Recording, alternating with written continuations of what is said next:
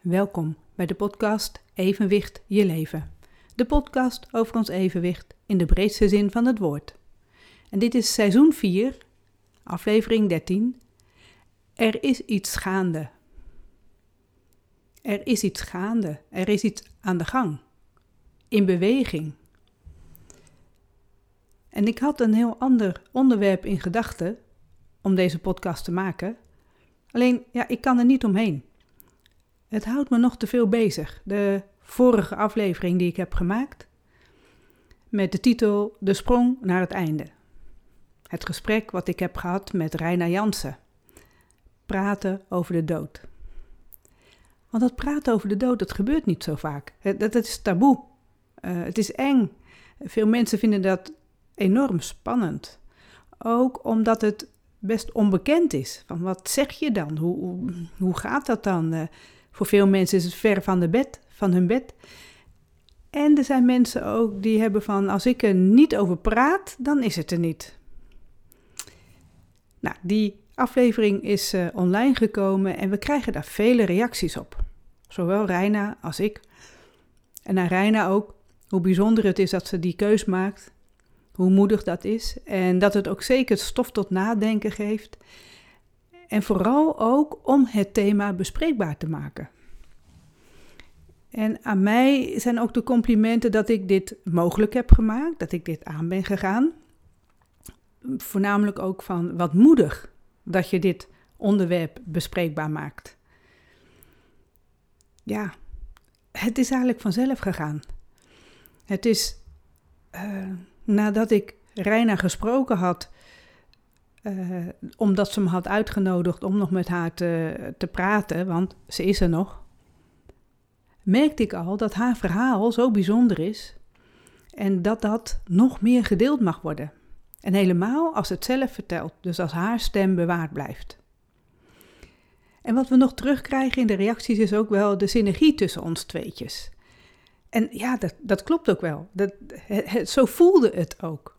Ze kon het ook goed verwoorden ze kon het aan mij vertellen en ik kon daar ook heel goed in meegaan. Dat vind ik het mooie ook. Als ik een goed interview hou, merk ik ook dat als ik volledig aanwezig ben en de juiste vragen stel, dan, ja, dan, lijkt het wel het, alsof het vanzelf gaat.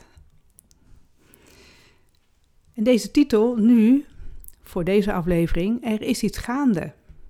Ja, gaande, die aflevering die wordt gedeeld.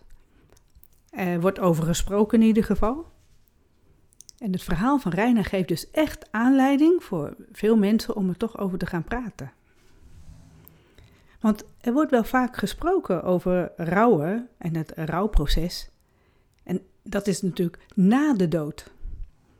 Je kunt ook rouwen om dingen die, die zo veranderen dat je daar heel veel moeite mee hebt. Mensen die een beperking krijgen, uh, mensen die gaan scheiden uh, met een bepaalde ziekte en daardoor hun werk niet meer kunnen doen. Dat is ook uh, levend verlies, noemen ze dat dan. Dat is ook een vorm van rouwen. Maar met Reina heb ik het natuurlijk specifiek gehad over dat stervensproces vooraf en nog niet zozeer over het rouwproces daarna. Over dat stervensproces wordt namelijk heel weinig nog gesproken. Wat, wat weten we nou van dat stervensproces? En Reina vertelde al, zij heeft zich daarover ingelezen. Zij wilde weten en begrijpen wat staat mij te wachten. En omdat ze erover gelezen heeft, is duidelijk, er wordt nu wel over geschreven. Er komen boeken op de markt. Want één ding is zeker, we krijgen er allemaal mee te maken. En dat stervensproces voor de een is dat heel kort, voor de ander is het er nauwelijks. Voor mensen die acuut met een ongeval uh, uh, overlijden, als dat plotseling dus gebeurt, dan is dat proces er niet. Op het moment dat het proces er wel is, dan kun je daar dus iets mee. Je kunt dat zelf, ja, min of meer in de hand houden. Je kunt het begrijpen wat er nou precies allemaal gebeurt. Maar fijn, ik heb die aflevering gemaakt dus met Reina. En daar kan ik met een goed gevoel op terugkijken. En dan overvalt mij ineens verdriet. Er komen tranen. En ik besef ineens dat ik zelf nog volop in mijn rouwproces zit. Dat is dus wat er na de dood gebeurt. Op 20 april 2023 is mijn moeder overleden. En als executeur dan heb ik zoveel geregeld. Ik stond steeds in de aanstand.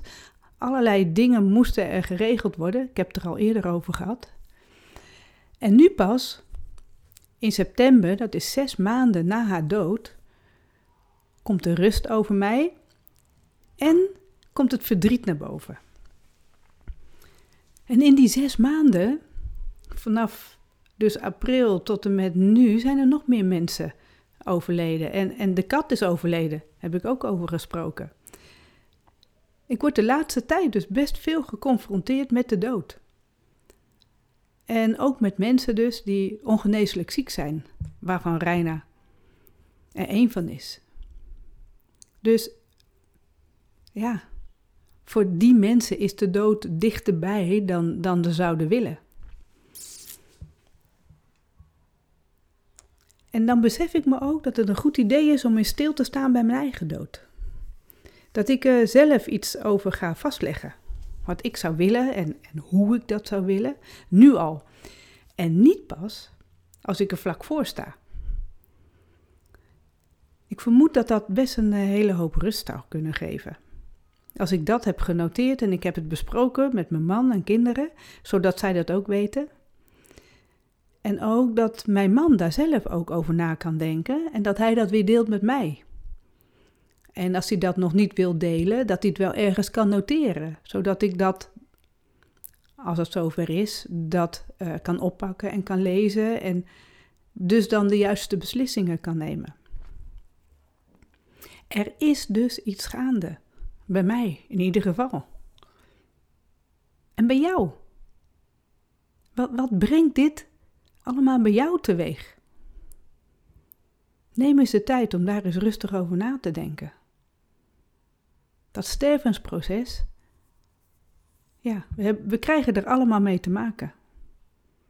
Dus hoe mooi zou het zijn als ook jij ja, jouw woorden daaraan kunt geven en kunt aangeven wat jij het liefste zou willen op het moment dat het zover is.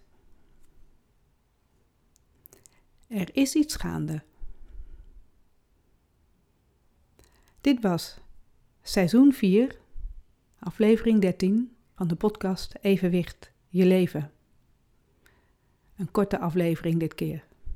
Dankjewel voor het luisteren.